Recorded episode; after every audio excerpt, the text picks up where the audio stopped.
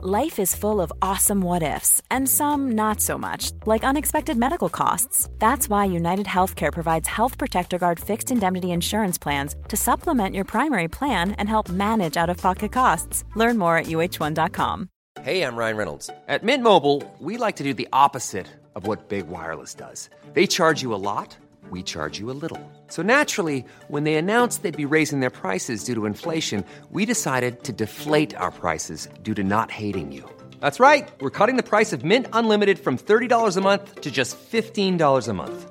Give it a try at mintmobile.com slash switch. $45 upfront for three months plus taxes and fees. Promote for new customers for limited time. Unlimited more than 40 gigabytes per month. Slows. Full terms at mintmobile.com. Hey, it's Ryan Reynolds, and I'm here with Keith, co-star of my upcoming film, If, only in theaters May 17th. Do you want to tell people the big news? All right, I'll do it. Sign up now and you'll get unlimited for $15 a month in six months of Paramount Plus Essential Plan on us. Mintmobile.com slash switch. Upfront payment of $45 equivalent to $15 per month. Unlimited over 40 gigabytes per month. Face lower speeds. Videos at 480p. Active Mint customers by 531.24 get six months of Paramount Plus Essential Plan. Auto renews after six months. Offer ends May 31st, 2024. Separate Paramount Plus registration required. Terms and conditions apply if rated PG. There's never been a faster or easier way to start your weight loss journey than with PlushCare. PlushCare accepts most insurance plans and gives you online access to board-certified physicians who can prescribe FDA-approved weight loss medications like Wigovi and Zepbound for those who qualify. Take charge of your health and speak with a board-certified physician about a weight loss plan that's right for you. Get started today at plushcare.com slash weight loss. That's plushcare.com slash weight loss. plushcare.com slash weight loss. I don't need a lot of brains in this business. I mean, I've always said if you got an IQ of 160, give away 30 points to somebody else because you don't need it in investments. What you do need is emotional stability.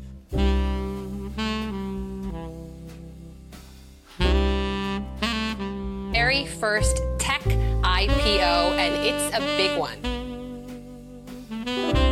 Stock market hit an all-time record high today.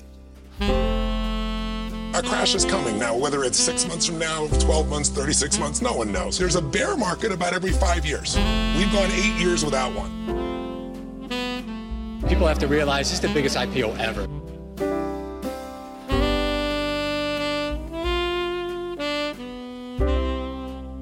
säger vi välkommen till ett nytt avsnitt av Market Makers ja. med lite julmys. Finns det några snälla barn här inne Fabian? ja, ja. ja, så kan man också börja ett avsnitt. vi ska köra års och julavslutning. Det kommer bli ett riktigt mysavsnitt. Vi tänkte summera ihop året lite, även följa upp lite vad som vi sa förra året. Eh, kanske till och med blir det några bets inför 2019 och då blir det väldigt mycket på volley som det heter. Men du, jag tycker faktiskt vi kör igång direkt. Vi hoppar över nyhetssvepet, vi har inte tid för det Ska vi inte ta upp det där med yieldkurvorna som vi inte fick ta upp på uppesittarkvällen? Eh, nej, jag tycker vi hoppar rakt in, för jag tror det kommer bli ett långt, långt avsnitt och vi är pressade med tid. Vi ska här in och spela in dagens andra avsnitt faktiskt eh, väldigt snart med Kvalitetsaktiepodden. Då gör vi det nästa då. vecka, det tycker jag man ska lyssna på. Och då, Fabian, vad har hänt egentligen 2018? Vi tänkte ju köra lite samma format som vi gjorde. Vi hade ju sånt här avsnitt i slutet på 2017 där vi summerade året, gav lite eh, gissningar till nästa år och vi ska väl följa upp på dem också. Det kanske eventuellt blir lite för mycket fokus på det. Vi får se, vi kanske inte tar allihopa. Ja, har man lyssnat på den här podden en liksom long time listener, då vet man ju att det har varit många recessionsindikatorer under 2018 och det är någonting som vi har babblat jäkligt mycket om. Precis, och där kanske vi då ska ta upp den här yield-kurvan som, eh, som du pratade om att du ville få nämna gärna. Eh, vi ska inte gå in jättedjupt på det, det vi kan säga är att eh, man kanske inte ska riktigt oroa sig för yield-kurvan än. Vi, eh, det var, vad heter det? John Malden skrev ett jättebra faktiskt, eh, nyhetsbrev om det här just med yield-kurvan, att den är ju faktiskt flat än så länge. Man kan inte riktigt säga att den har inverterat. Den är, några av eh, durationerna där har inverterat, men eh, det som är intressant är att tittar man på de här spreadarna så, så finns det ett samband helt enkelt mellan desto högre spread, desto större sannolikhet för recession. Men personligen tycker att man ska inte handla efter det. Man ska liksom inte gå på den som någon slags timingindikator. För att oftast, när yieldkurvan väl är inverterad, så ligger det oftast eh, några kvartal bort innan det kommer recession. Det som jag tyckte var väldigt intressant var den här sammanställningen från några gamla Fed-ekonomer. De kollar från 60-talet till eh, någon gång på 90-talet och sammanställer, ja men spreaden då mellan tre månaders och tioåringen när kan man liksom avgöra om det kommer bli en recession eller inte? Och då såg man, idag så ligger den spreaden på cirka 0,5 eh, baspunkt, eh, procent. Och eh, då är det en cirka 15 procent eh, sannolikhet att det kommer bli en recession eh, inom kommande fyra kvartal. Och det låter ju inte så jättefarligt. Det vill säga ett år framåt? Ja, exakt, exakt. Eh, slår man till här och det blir kanske på minus, eh, eh minus 50, ja då helt plötsligt har du en 30% sannolikhet för recession. Men det de sa, har du liksom kommit på den spreaden att du kommer ha en 30-40% sannolikhet, då historiskt sett har det alltid blivit en recession inom 40, 40, inom fyra kvartal, det är tidigt på morgonen. Det är konstigt att man säger 30% chans och sen säger man samtidigt att historiskt har det varit 100% chans. Ja, det är faktiskt väldigt, inte riktigt hur man intressant. Eh, men det man ska i alla fall kanske säga är att man behöver inte riktigt kanske oroa sig för det än. Och sen är det inget problem med lågkonjunktur egentligen. Det betyder inte att världen går under. Eh, det är väl många som också tror ibland att vi, vi är negativa och tycker att man inte ska köpa en aktie. Det är inte det som är grejen. Vi säger bara att man kan ha koll på vad vi är i konjunkturcykeln och förstå då vilken typ av bolag som kanske är intressant att köpa på de här nivåerna och så vidare. Eh, och sen framförallt tyckte jag det som var, det var en kul liknelse med det där nyhetsbrevet också, tyckte jag. Det var att många då som missuppfattar de tror att en inverterad yieldkurva orsakar en recession. Så är det ju inte, den är ett symptom snarare. Den visar ju att man, marknaden tror på en recession. Eh, och då jämförde han det lite med en feber. Du har, när du har en feber så är det inte så att det är febern som är sjukdomen. Det är inte febern som har gjort dig sjuk, utan den är ju bara ett symptom på att någonting är fel i din kropp. Det kan vara en influensa, det kan vara en förkylning, vad som helst. Sen något annat som hänt i år som varit intressant, det var ju kryptovalutor. Vi pratade väldigt mycket krypto i förra årets avslutning, ja, men då var det väldigt bullish, för då var det verkligen precis på toppen. Och jag är ändå glad att vi sa då där att det kan gå precis åt vilket håll som helst. Vi tyckte att det kan ju vara intressant om man vill ha en liten andel av sin portfölj i krypto, men man ska veta att det kan lika gärna gå 100% upp och det kan lika gärna gå 100% ner. Vilket håll har det gått åt? Det har ju gått fantastiskt mycket ner, 75% ja. för bitcoin. Precis, och då har ändå bitcoin klarat sig bäst. Store ja. of val value, som man säger. De andra kryptovalutorna har ju total slaktats. Nej, förra, förra hösten var ju ett slag för sig själv när det kommer till, ja du hade ju Dels hade de här, liksom alla fangbolagen gick ju som tåget. Du hade krypto, bitcoin, det var helt galet. Och så hade du ju faktiskt cannabisbolagen som tuffade på jäkligt bra. De gick ju flera hundra procent under hösten. Vilket, eh, man har ju snackat om att eh, 2018 har cannabisår, men jag tycker 2017, det, det var mer, det var bättre år för cannabis. Och det kan vi ju säga om FANG där, så sa vi, det var lite intressant, vi, vi pratade ganska mycket FANG förut också, det var det som var liksom top of mind för de flesta. Eh, och då sa vi i princip det att eh, vi, vi, vår liksom, utsikt där var ju att vi tror att det kan gå rätt bra för FANG så länge inte det här eh, sentimentet vänder. Och, och framförallt så, jag gick ju till och med ut och sa att jag trodde börsen skulle toppa 2018. Det tycks den ju ha gjort faktiskt. Eh, och vi trodde framförallt att det finns saker som då kan få FANG, liksom glansen att försvinna. Och framförallt, och du gissade till exempel också sa att om när centralbankerna, så länge de fortsätter pumpa in pengasystemet så lär det ju kunna fortsätta. Nu har de ju börjat dra tillbaka det, börjat strama åt räntorna och så vidare. Och då har vi sett också att det har vänt. Så att, jag vet inte, jag tycker att vi ändå har varit eh, helt okej okay i den där gissningen gissningen. Slår man ihop FANG och tittar på dem likaviktade, då har ju de gått minus 8% ungefär. Eh, går man från toppen augusti-september så är det rejäla fall neråt faktiskt. Generellt ska sägas, eh, igår här, vi var uppe på uppesittarkväll, så det är därför vi är lite trötta idag. Eh, då var det faktiskt under sändning där så gick ju Nasdaq ner och blev negativt för året. Så det har ju varit en, ett spännande år. Så, så här, många börser har vänt ner, de flesta börser handlas nu i korrektionsterritorium. En del till och med in i björnmarknaden, som i Kina till exempel.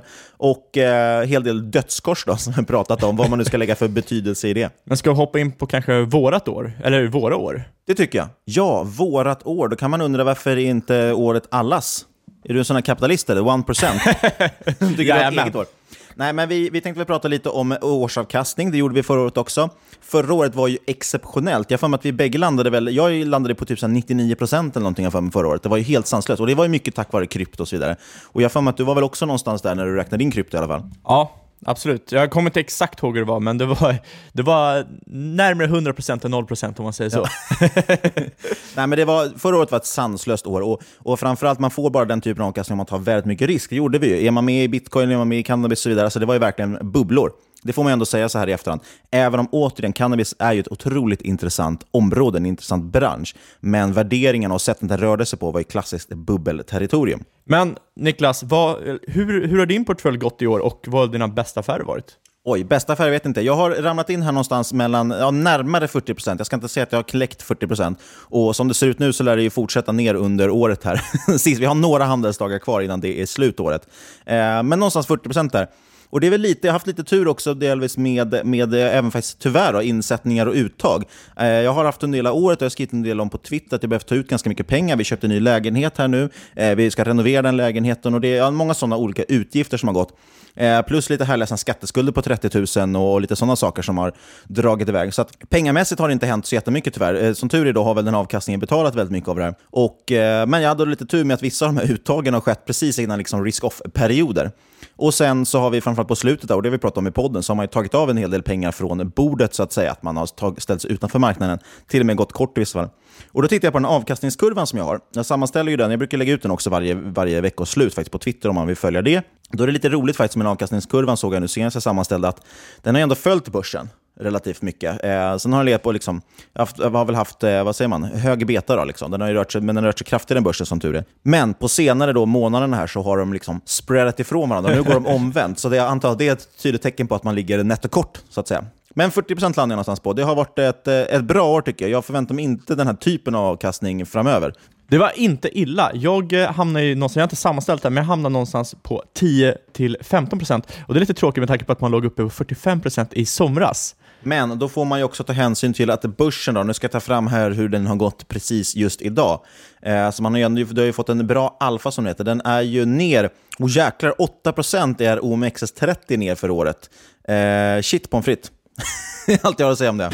Jag, Sanslöst. jag- Sen kan man lägga in till utdelningar. Men då har du slagit index, Fabian, Slagit med nästan 20% Helt, helt okej, jag skyller på att eh, haft mycket annat för mig under H2 och eh, då blir det den privata portföljen som får lida helt enkelt. Så är det. Och sen så såg det ju väldigt mycket bättre ut i somras. Men tyvärr så, även fast man plockar bort eh, lite pengar från bordet så att säga, så, så har vi ju ändå legat kvar till viss del. Och då, då får man ju ändå åka mer ner i det där också. Men jag tror det är väl någonting som båda har eh, fått erfara. Man har ju haft en strategi de senaste åren och det har ju varit mycket tillväxt. Och sen när tillväxt slutar fungera, eh, jag hade ju tur att jag inte red liksom, med eh, Q, eh, vad heter det? Red med fangbolagen ner i Q3, utan att jag sålde av dem. Men då blir det så, man måste ju ändra sin strategi. Det kanske inte är tillväxt som eh, gäller längre. Du kanske inte kan ta unlimited risk som man gjorde framförallt förra året. Och då blir det en liten omställning. Nej, och det här kommer ju tillbaka igen till det här vi pratar om, just var man befinner sig i konjunkturcykeln och hur marknaden ser ut. Vi tycker att det är ändå intressant, man kan ju faktiskt nyttja de här svängningarna lite grann. Börsen har ju en tendens att delvis svänga för mycket åt det positiva, men också för mycket åt det negativa. Och när den svängt för mycket åt det negativa, då ska man köpa. När den gått för mycket till det positiva ska man antingen sälja eller till och med kanske då gå kort om man vill ta den risken. Eh, nej, så är det verkligen så att, men, och det är därför man har fått bra avkastning tidigare. Då. Det är för att man har verkligen legat med full risk i princip. Då. Alltså man har tagit hög risk. Eh, det jag tycker är imponerande, ska vi bara backa till förra året, det var ju att du levererade ändå väldigt mycket bättre avkastning än mig till, sett till just risk. Absolut, Så du hade ju faktiskt en del, en del pengar i kassan också. Jag låg ju verkligen all in och tog hög risk. Men några bra affärer? Jag vet inte, jag, jag har inte riktigt haft någonting sådär som har stuckit ut, tycker jag i alla fall. Jag, när man går tillbaka och tittar lite transaktioner så hittar man några så här som, är, som är häftiga. Då, så. Men eh, generellt så har inget som har stuckit ut som har verkligen gjort jättestor avkastning, utan det har varit många bäckar små. Eh, men ska man lyfta några grejer då, bara för att få försöka framstå som lite duktig då, då var det Aikiji. Eh, Vi pratade ju mycket Kina. Vi tajmade ju Kina väldigt, väldigt dåligt med podden. Ett bolag, det var Aikiji, det tajmade vi väldigt bra. Det här eh, Kinas eh, Netflix, eller Kinas Disney som jag vill kalla det kanske. Då. Och det var ju faktiskt någonting som, vi tog ju upp det i podden några, någon månad efter det hade varit ett stort rally. Men jag kommer ihåg att vi nämnde det i samband med att vi snackade om Baidu, har jag för mig, i podden. Mm, jag tror också det. Och sen så tyvärr då vårt stora Kina-avsnitt, eller vi har gjort flera, men det stora där vi nämnde många sådana här lite okändare kanske eh, teknikbolag från Kina. Det, därefter, någonstans där kom ju tullarna och hela grejen och sen så har ju Kina varit Det ska vi snacka lite 25%. mer om alldeles strax. Ja. Men Aikiji gjorde någon, jag tittade i alla fall, första säljet gjorde jag 110% upp. Sista säljet 70% Det var väl på upp. någon månad? Ja, det var jättekort tid, så det var ju en fantastisk affär. Och det var ju inte så att nö- nödvändigtvis att man gjorde ett något bra beslut, utan man hade väldigt mycket tur med att det vart en väldig hås. Catena Media tyckte det var intressant, då köpte jag Dippen, som det så fint heter, när man hade väldigt mycket insidersälj och fondsälj och så vidare. Eh, där gjorde man 30% på, på någon månad också för att man köpte en dipp. Du gjorde ju en liknande i Facebook, vet jag. Det var också typ 30%. Ja, exakt. Eh, den, var- den kollade jag faktiskt i podden, vilket eh, var lite roligt. Eloge för det. Eh, nej, men exakt, det var väl en av de bättre, i alla fall om man kollar, enligt mig, liksom riskmässigt. Eh, annars har jag gjort, om man ska lyfta ut några kort case, det är det vi pratat om mycket på senare tid. Kort Nvidia var lite kul, gjorde jag över rapport. Den gick ju 20% back på den Ja, rapporten. den, den, den, den blev folk lite häpna på. Ja, eh, den var jag nöjd över. Det var ju en, en endagars trade. Då var man ju lite nästan en daytrader. Eh, och sen kort Nasdaq har man ju varit en hel del. Jag tror till, och med att jag är det fortfarande eventuellt. Den, de har gått väldigt bra. Och, eh, och det är just det här vi pratat om, att det är tillväxtaktier framförallt som drabbas i den här typen av klimat. Eh, sen har jag varit kort Tesla, har ju varit många känt till också, men den har ju gått, jag tror till och med att jag ligger back i den nu, för den har ju squeezats upp. Igår gick den ner 4-5% eller någonting och det var ju kul det i alla fall. Alltid något. Jag tror fortfarande på att det kommer gå åt helsike för det bolaget, men vi får se hur det går. Enda långsiktiga casen kan vi nämna för år, det har haft, jag tror att Fortnox har överhållit hållit i princip hela året och den har gått 60% i år. Eh, kul bolag, vi får se hur den kommer gå nu i en konjunktursvacka. Då. Vi hade i somras hade vi rekordmånga konkurser faktiskt i Sverige bland småbolag och det är ju Fortnox eh, stora kunder, de är ju småbolagens bästa vän som heter. THQ också, Superkul bolag. Det har verkligen, de har verkligen levererat och levererat i år. Eh, och Den har gått närmare 90%. Jag har tyvärr inte varit med på riktigt hela det, för att man sitter här och försöker tro att man ska tajma saker. Eh, men det har ändå varit en väldigt bra affär och någonting som jag ändå följt långsiktigt, så att säga. Ja, och eh, jag kanske ska hoppa in på mina då. Och, vi har ju rätt liknande saker i portföljen. Det är, det är de Ikiji, eh, det var ju liksom rätt rejält Kina-rally under senare delen av våren. Eh, och det, det ledde ju oss sen att ta lite hög risk i Kina. Men också den här dippköpet i Facebook, eh, också att man höll de här FANG-aktierna till Q3. Det är ju så att Ja, kanske den bredare marknaden var ju väldigt håsade till FANG, men allting man läste från de som kanske liksom skulle vara liksom lite borta från mainstream, de var ju liksom väldigt tidigt på att man skulle sälja Q3, man skulle, eller inte Q3, sälja FANG, eh, ja. eh, inte sitta med tillväxt för de övervärderade. Nej, tar man någon, någon, bara, nu ska vi inte slänga honom under bussen, han är fantastiskt duktig, men bara som ett exempel, den första som kommer ut på huvudet är ju Jesse Felder till exempel. Jag tänkte på exakt samma sak. Ja, han har ju till exempel, han har ju varit negativ till Facebook och så i alltså, över ett år i alla fall, om inte ännu längre. Eh, och det har inte varit ett, jag ska inte säga ett bra råd, men eh, man, man, har haft eh, bättre affärer om man har ridit det till slutet. Då. Så ser jag att det står lång USD-SEK Ja. Du är en riktig dollarspekulant, valutaspekulant. Eh, det skulle jag inte kunna säga, men eh, jag, hade, eller jag har haft en del likvider under året. Och så la jag helt enkelt in dem. Eller jag köpte dollar för dem. Ja. Och det har ju varit eh, fantastiskt trade. Klokt det, att flytta ifrån den här bananrepubliksvalutan. Och sen har du varit lite kort också väl? Ja, eh, short index och närmare bestämt Nasdaq är väl det jag legat med size under Q4. Och det har ju funkat rätt bra. Men du, apropå size, vad är dina sämsta affärer för i år då? Uff. Oh, nu, har vi försökt, nu har vi lyft upp själv, oss själva lite grann, nu ska vi gå in på vad det är det sämsta vi gjort. Jag, jag, tror att många har koll på det här om man har lyssnat på podden, men eh, för både dig och mig så är det ju att vi gick in, vi gjorde ju båda det samtidigt, för vi satt och snackade om det här. Eh, jag var i Barcelona kommer jag ihåg, och du var väl hemma men vi satt och snackade om att vi skulle gå och ta en lite större size i Kina-aktier. Så vi hade ju snackat igenom olika aktier, eh, tagit en korg för att minimera risken, lite som vi snackade om med liksom, cykliska bolag, bygga sitt egna index, även om vi hade djupdykt i dem också. Eh, eftersom det hade varit en fartfylld vår och vi ville rida lite på det här och... Eh, Berätta hur dåligt det har gått nu. Risk management var ju fan out the window. Men eh, på till exempel JD.com och YY, som var två av de som jag hade störst size i, Eh, och som jag höll för länge och snittade ner mig så låg jag minus 50% Snyggt. ungefär. Och sen eh, cirka minus 25-ish procent på de andra mindre innehaven som Sogo och eh, liknande. Mm. Huja ägde jag också. Och så står det bara “Rest in peace” här i anteckningarna. uh, ja, men det, ja, nej, det jag, förstörde jag, min uh, årsavkastning ja, rätt rejält. Jag har varit med om precis samma grej, och den som framförallt, och det är väl det man kan lära sig av det här också, det var under lärdomar under året tänkte vi prata lite om, och det är just att man inte kapar förluster tillräckligt fort. Det är så viktigt, för att ja, vi har ju pratat mycket om momentum och sådär. Jag tycker man lärt sig ganska mycket om det under året också, och följt det mycket, med momentum, trendföring och så vidare. Det är ändå intressant, och framförallt kan det vara just för att man har inte så bra koll. Även då JD.com framförallt var en sån man hållit alldeles för länge. Just för att den var ju faktiskt väldigt billig. Den var extremt intressant. Den jag tyckte alla de här intressant. bolagen var och, sjukt billiga och, och JD.com liksom drog sig upp väldigt många, också, väldigt många amerikanska fondförvaltare och så också som ett, ett, till och med ett värdecase. Liksom. Alltså det var ett intressant bolag. Ja, Sen blir det, ju, var det, var... vdn eller ordförande vart ju liksom häktad ja, för våldtäkt. Ja, alltså, det... Det, var, det var helt sjukt. Allting gick emot den. Och man satt där bara, men, okay, men det blir ju billigare och billigare. De andra, de kunde man ju säga, okej, okay, men det är ju tillväxtaktier. De, det förstår jag att de drabbas ner. Där kapar man ju förlusten, även om det gick fort. Det gick det var ju stora rörelser, så det var ändå 10-20% back på dem. Men man kapade ändå dem fort. Men JD satt man kvar alldeles för länge så att det vart en, jag, en tråkig eh, affär. Ja, men just att det här att man läste i Q2 också, att, eh, och det var ju skilt från vår egna analys, men också att väldigt många fondförvaltare, för vi läste igenom kanske 30-40 eh, förvaltarbrev, och väldigt många som köpte in JD.com som liksom värdeinvestering. Och det ökar ens conviction rätt rejält. Man tycker att man är jäkligt smart som har liksom kommit in på samma ja, trade. Och då, då kan man tänka sig, ja men då ska man inte gå emot marknaden. Det blir inget bra om alla är så positiva. Men det är ett ganska intressant, en intressant indikator just, eller man ska säga med, när någonting har gått ner ganska mycket. There's never been a faster or easier way to start your weight loss journey than with plush care. PlushCare accepts most insurance plans and gives you online access to board-certified physicians who can prescribe FDA-approved weight loss medications like Wigovi and Zepbound for those who qualify.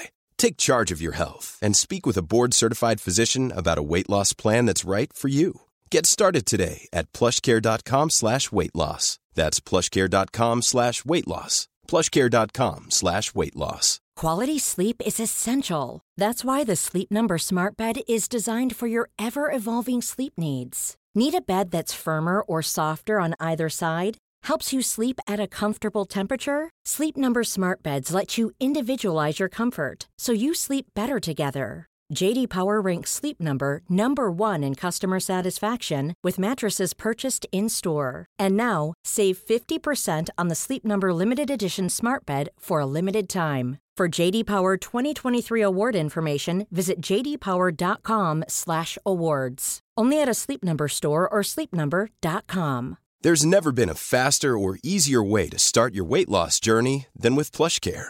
PlushCare accepts most insurance plans and gives you online access to board-certified physicians who can prescribe FDA-approved weight loss medications like Wigovi and Zepbound for those who qualify. Take charge of your health and speak with a board-certified physician about a weight loss plan that's right for you. Get started today at plushcare.com slash weight loss. That's plushcare.com slash weight loss. plushcare.com slash weight loss. Hey, it's Ryan Reynolds, and I'm here with Keith, co star of my upcoming film, If, only in theaters, May 17th. Do you want to tell people the big news? All right, I'll do it. Sign up now and you'll get unlimited for $15 a month in six months of Paramount Plus Essential Plan on us. Mintmobile.com slash switch. Upfront payment of $45 equivalent to $15 per month. Unlimited over 40 gigabytes per month. Face lower speeds. Videos at 480p. Active Mint customers by 531.24 get six months of Paramount Plus Essential Plan. Auto renews after six months. Offer ends May 31st, 2024. Separate Paramount Plus registration required. Terms and conditions apply if rated PG. I'm Sandra, and I'm just the professional your small business was looking for. But you didn't hire me because you didn't use LinkedIn jobs. LinkedIn has professionals you can't find anywhere else, including those who aren't actively looking for a new job but might be open to the perfect role, like me. In a given month, over 70% of LinkedIn users don't visit other leading job sites. So if you're not looking on LinkedIn, you'll miss out on great candidates like Sandra. Start hiring professionals like a professional. Post your free job on linkedin.com/people today. Inte gått upp framförallt, för JD.com hade ju inte gått starkt. Och sen är det så många som börjar prata om det och då kan man tänka sig att nu kommer det nog ta fart och bli en, en rejäl resa där. Men det vart det inte, det var riktigt tråkigt. Eh, en liknande grej, lite G5 Entertainment också. Jag tror jag höll, jag, jag tittade då och då, för att vara lite elak mot mig själv, så tog jag den dyraste köpkursen jag köpt på och den sista säljkursen jag tog, det vill säga den lägsta då också. Och däremellan är det 60 procent. Sen har jag inte riktigt gått så illa på den affären då, i, i kronor och ören. Men eh, det, det är spannet mellan högsta köp och dyrast, eller billigaste sälj. Också tråkigt, precis samma grej där. Jag tycker fortfarande att den, den ser billig ut, den ser intressant ut. Men det är väl det man för, får försöka inkorporera och lära sig från året. Man måste hantera risk mer. Eh, framförallt då, då, det kan vara enkelt ändå med saker. Vi har pratat om det med MA200 eller någon form av trendföljande. Eller, eller bara sätta en fast stopploss. Ja, men 10 procent, då kapar jag det liksom, oavsett hur det går. För det jag ville säga, och det glömde jag bort nu, men det jag vill säga är egentligen att man vet ju aldrig mest. Det finns inte en chans att vi, vi två snubbar här sitter i Linköping, att vi skulle ha ett informationsövertag. Så går någonting ner 45% ja visst, det kanske är så att det bara har blivit billigare, men det finns också en risk att det är någonting vi inte vet. Alltså det är någonting vi Väldigt har missat. sannolikhet. Och då kan det vara bra att bara, nej, jag hade fel, kapa förlusten, göra om analysen eller fundera på, titta på den, okej, när börjar det vända? Och det är väl det som har varit liksom svårt nu i H2, att eh, man måste ta en helt annan ställning till risk management än vad man tidigare gjort. Och det är väldigt svårt att ställa om. Det, vi har ju ett, eh, ett avsnitt som kommer ut om några veckor med investerarfysikern som kör kvantitativa strategier till exempel. Grejen med kvantitativa strategier är att man ska bara hålla sig till en strategi. Grejen med det mänskliga psyket är att man upptäcker ju mer och mer att det är så fruktansvärt svårt att hålla sig till en strategi. Verkligen. Men du, eh, vi ska hoppa vidare här. Vi har tyvärr lite ont om tid eh, och om vi ska hinna med allting. Ska vi dra kanske bästa bok vi har läst under året? Ja, du kan väl börja? jag har ingenting. Nej, det, det är lite tråkigt för vi pratade om det här på uppsittarkväll igår. Jag, som sagt, vi fick, jag fick ju barn då för lite drygt ett år sedan nu. Och det betyder att jag har ungefär haft ett år där jag har inte sovit en hel natt. Vilket betyder varje gång jag har lagt mig i sängen. Excuses, Det, ja, excuses. det är framförallt då jag läser eh, böcker i alla fall. Sen läser man väldigt mycket marknadskommentarer, nyhetsbrev och så vidare på dagtid. och sådär. Men just på, på eh, kvällarna är det då jag läser oftast böcker och då har jag nästan alltid bara däckat. Så jag lä- mest läst, eh, det bästa jag läst inom finans det är väl då första delen av eh, Ray Dalios Principles, den är om debt crisis. Den nya boken det som handlar om, om kreditcykeln helt enkelt. Och där kan jag rekommendera, man läser om det är väl 60-70 första sidorna, för den handlar om, om kreditcykler i stort. Den tycker jag man kan ta till sig. Det är Eh, de hans liksom, reka att man läser, de finns för gratis också. Reka man läser om man inte är en eh, riktig nörd. Ja, för att den är, jag kommer inte ihåg hur många hundra sidor den är. Den är inte så jättelång, men den, den är några hundra sidor. Och det han går igenom sen är case-studier, så han går igenom varje kreditcykel, eller varje kreditkris, ska jag säga. Eh, men framförallt den första delen där är väldigt intressant, för den ger ett grundläggande ramverk då för hur kreditcykler ser ut. Annars har jag läst mest eh, fiktion när jag varit ute och på semester och sådana saker. Och jag skulle väl ta två böcker, ingen som faktiskt är en finansbok, utan det är liksom lite mer psykologböcker, förstå hur hjärnan fungerar. Och det, den första är Thinking in Bets av gamla pokerproffset Annie Duke, och det andra är Mistakes Were Made av Carol Travis, eller Tarvis. Um, Thinking in Bets tyckte jag var extremt intressant, i stort sett för att, eh, och jag tror att det här på uppesittarkväll, så om man kollar på, det, på den så blir det liksom lite rehashing. Men det som är intressant med den här boken, det är egentligen liksom ett väldigt simpelt koncept. Det går igenom flera koncept, men ett koncept är extra intressant och det är att man ska särskilja på ett bra beslut från ett bra utfall. För det är faktiskt så att du kan ju få ett väldigt bra utfall från ett dåligt beslut och du kan få ett väldigt eh, dåligt utfall från ett bra beslut. Men oftast så tenderar vi att koppla ihop att får man ett bra utfall, till exempel att man köper en aktie som går upp 100%, ja då har man tagit ett bra beslut. Men i själva verket kanske det inte är så. Det är ungefär som att eh, du kör för liksom, ett rött ljus. Ja, du kanske inte kör på någon, men det betyder inte att det var det rätta beslutet för det. Nej, och det var lite som det var lite det jag ville komma in på när jag sa med Aikiji, att man har gjort, även om man har gjort 100% på en sån trade på kort tid, så betyder inte att det var ett bra köp. Det betyder egentligen bara att man kanske hade tur. Eller det kanske var ett bra köp, men att det går så bra, det var ju bara att man hade tur med att, eh, att flera andra köpare kom in och drev upp priset. Däremot de som kanske då mer bra beslut, det kan ju vara någon sån sak som du nämnde med Facebook, att du dippköpte den, eh, och jag dippköpte bland annat Catena Media, liksom, där man faktiskt, när man tycker väldigt tydligt att man ser en överreaktion. Och det här finns det massvis med känsligt och i Uppesittarkväll igår så pratade jag om det här med att eh, det är först när tidvattnet drar tillbaka som man ser vem som har simmat naken, gammalt Buffett-citat. Eh, vad heter det? Howard Marks skriver också mycket om det här, the most important thing med att alltid i en, en, stor bullmarknad så är problemet att man ser massa fondförvaltare och så vidare som då, de lyckas, de tar mycket risk helt enkelt. De kanske tar egentligen dumma beslut, men tack vare det så gör de, får väldigt bra avkastning och då ser de ut som genier utåt. Men vilken är den andra boken? Uh, Eller sorry, Mistakes Were Made. Mistakes Were Made var den. Jag vet inte om vi ska hoppa vidare, men det är också en väldigt bra, eh, intressant bok om hur hjärnan fungerar och hur man tenderar att, det här med self-justification, man eh, övertalar sig själv att det man gör är väldigt bra och det kan ju vara ödesdigert i aktiemarknaden. Verkligen. Vi kanske ska följa upp på några av de här, jag ska inte säga prognoser, men vi, vi skulle ju försöka ge några case förra året till 2018. Jag tycker inte att vi var så duktiga på att leverera case jag, egentligen. Jag kan minnas att eh, det här var lite off the cuff. Ja, för att, precis. För, grejen är att har vi några case så ställer vi det liksom i ett renodlat avsnitt, men vi vill inte ta upp gamla case.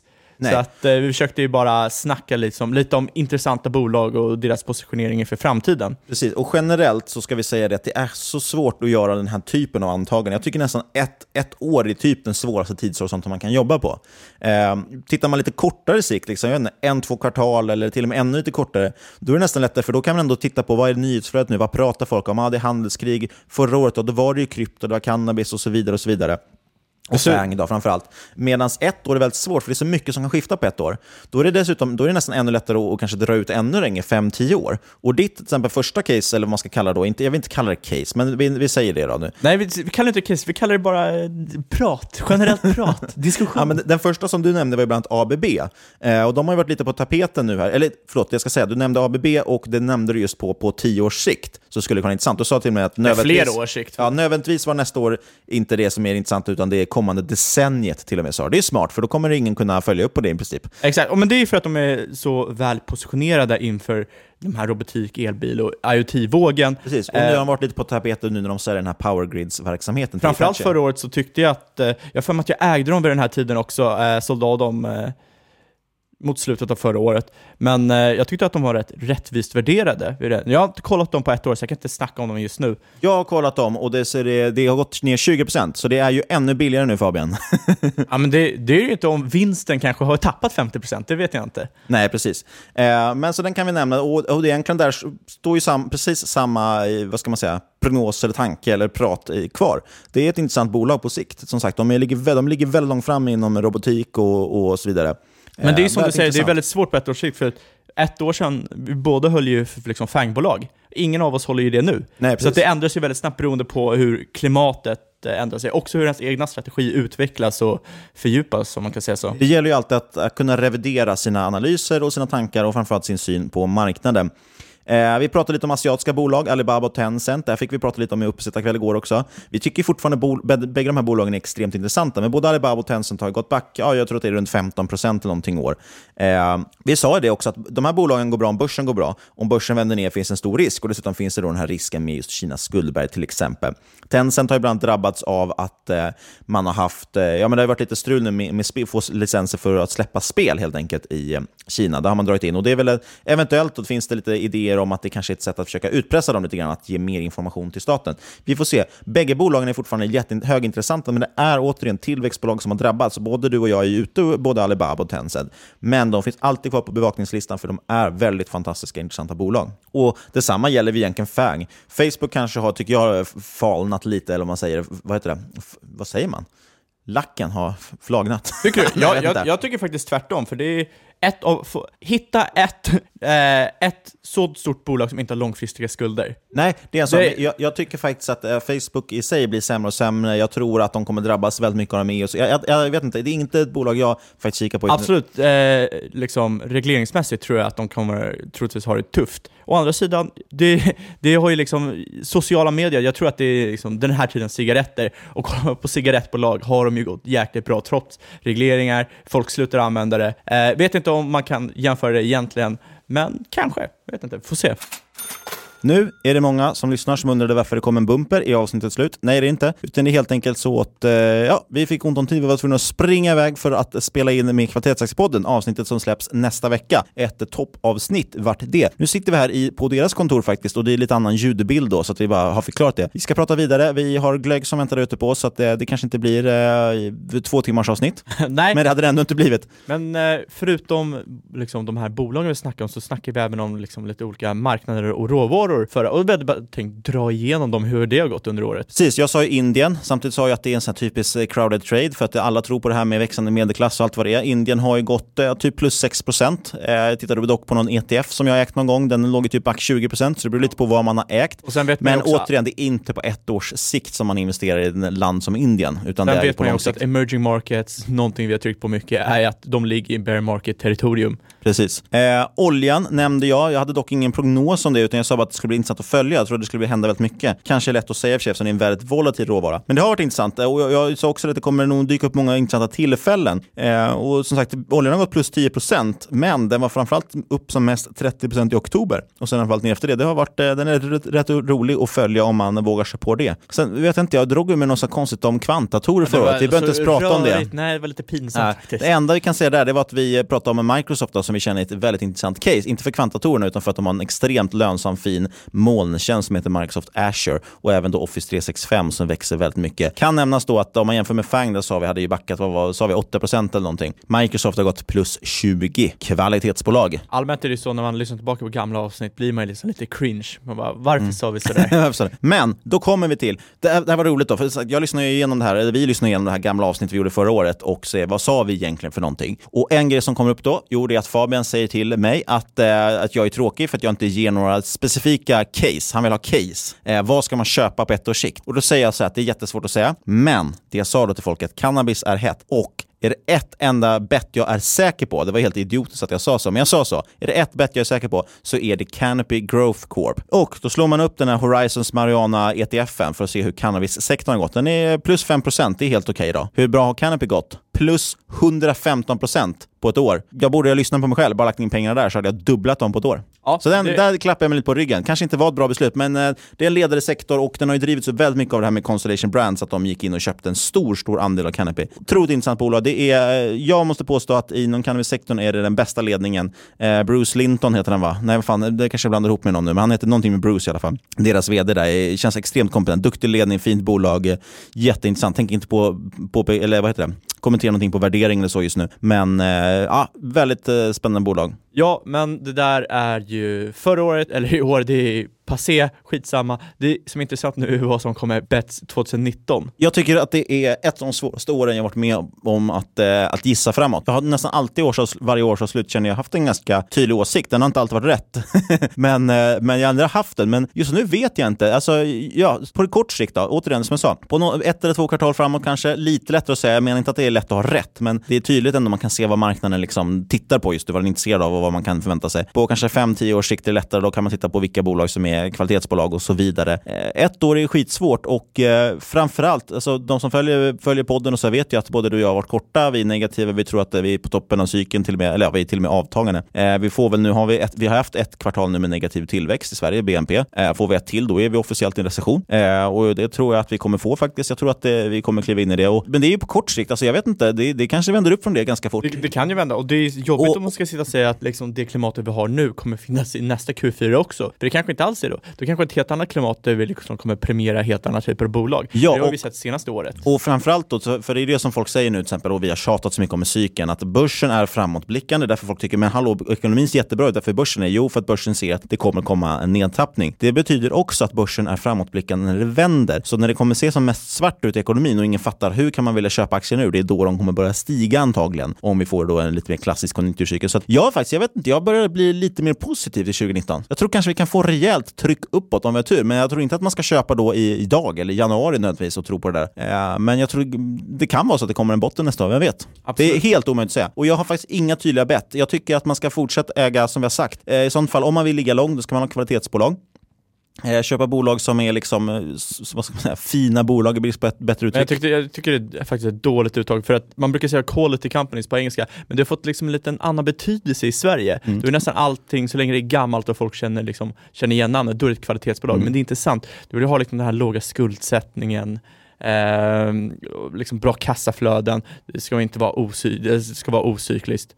Eh, och du ska ju liksom ska kunna prestera även i recessioner, relativt sett. Men det vi kan säga då, som kommer bli kanske lite nyhet inför nästa år, eh, det, vi kommer ju starta en liten gemensam portfölj, du och jag ja. som vi förvaltar, vilket ska bli superkul och det hänger ihop lite med podden och så. Och då kommer ju podden kanske också bli lite mer nytta, för vi, som sagt, vi, vi är ju case-drivna, men på senare tid har det blivit väldigt mycket makro och sådär.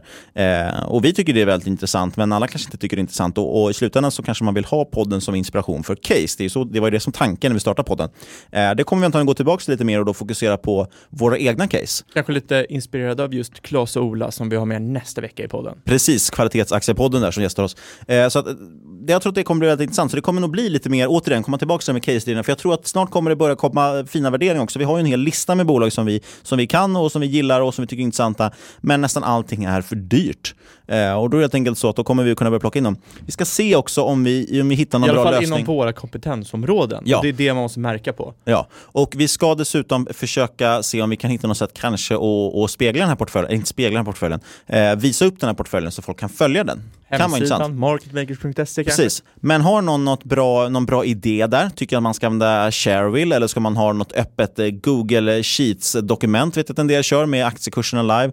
Eller ska vi bara ha det inbäddat på hemsidan? Någonting? Kom med tips, det kan man skicka då till podcast.marketmakers.se.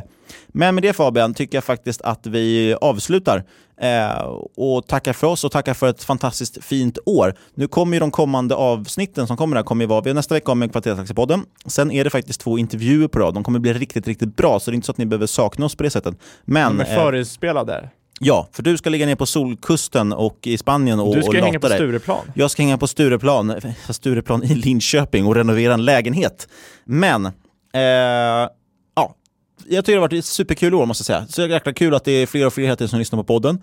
Eh, jag hoppas att alla får... interagerar med podden också. Ja, det har ökat, vilket är jättekul. Vi, som sagt, vi svarar ju på allting. Eh, som sagt, god jul på er. Det kommer bli ett fint år. Men innan vi måste avsluta måste vi säga att inget hört den här podcasten ska ses som rådgivning. Alla åsikter i våra egna eller vår gäst och eventuella sponsorer tar inget ansvar för det som sägs i podden. Sista gången vi säger det i år. Tänk på att alla investeringar är förknippade med risk och sker under eget ansvar.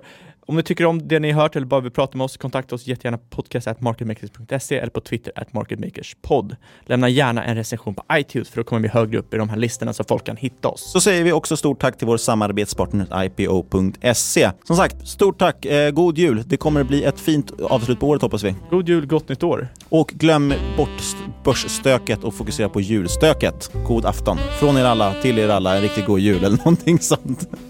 ha det fint! Thank you.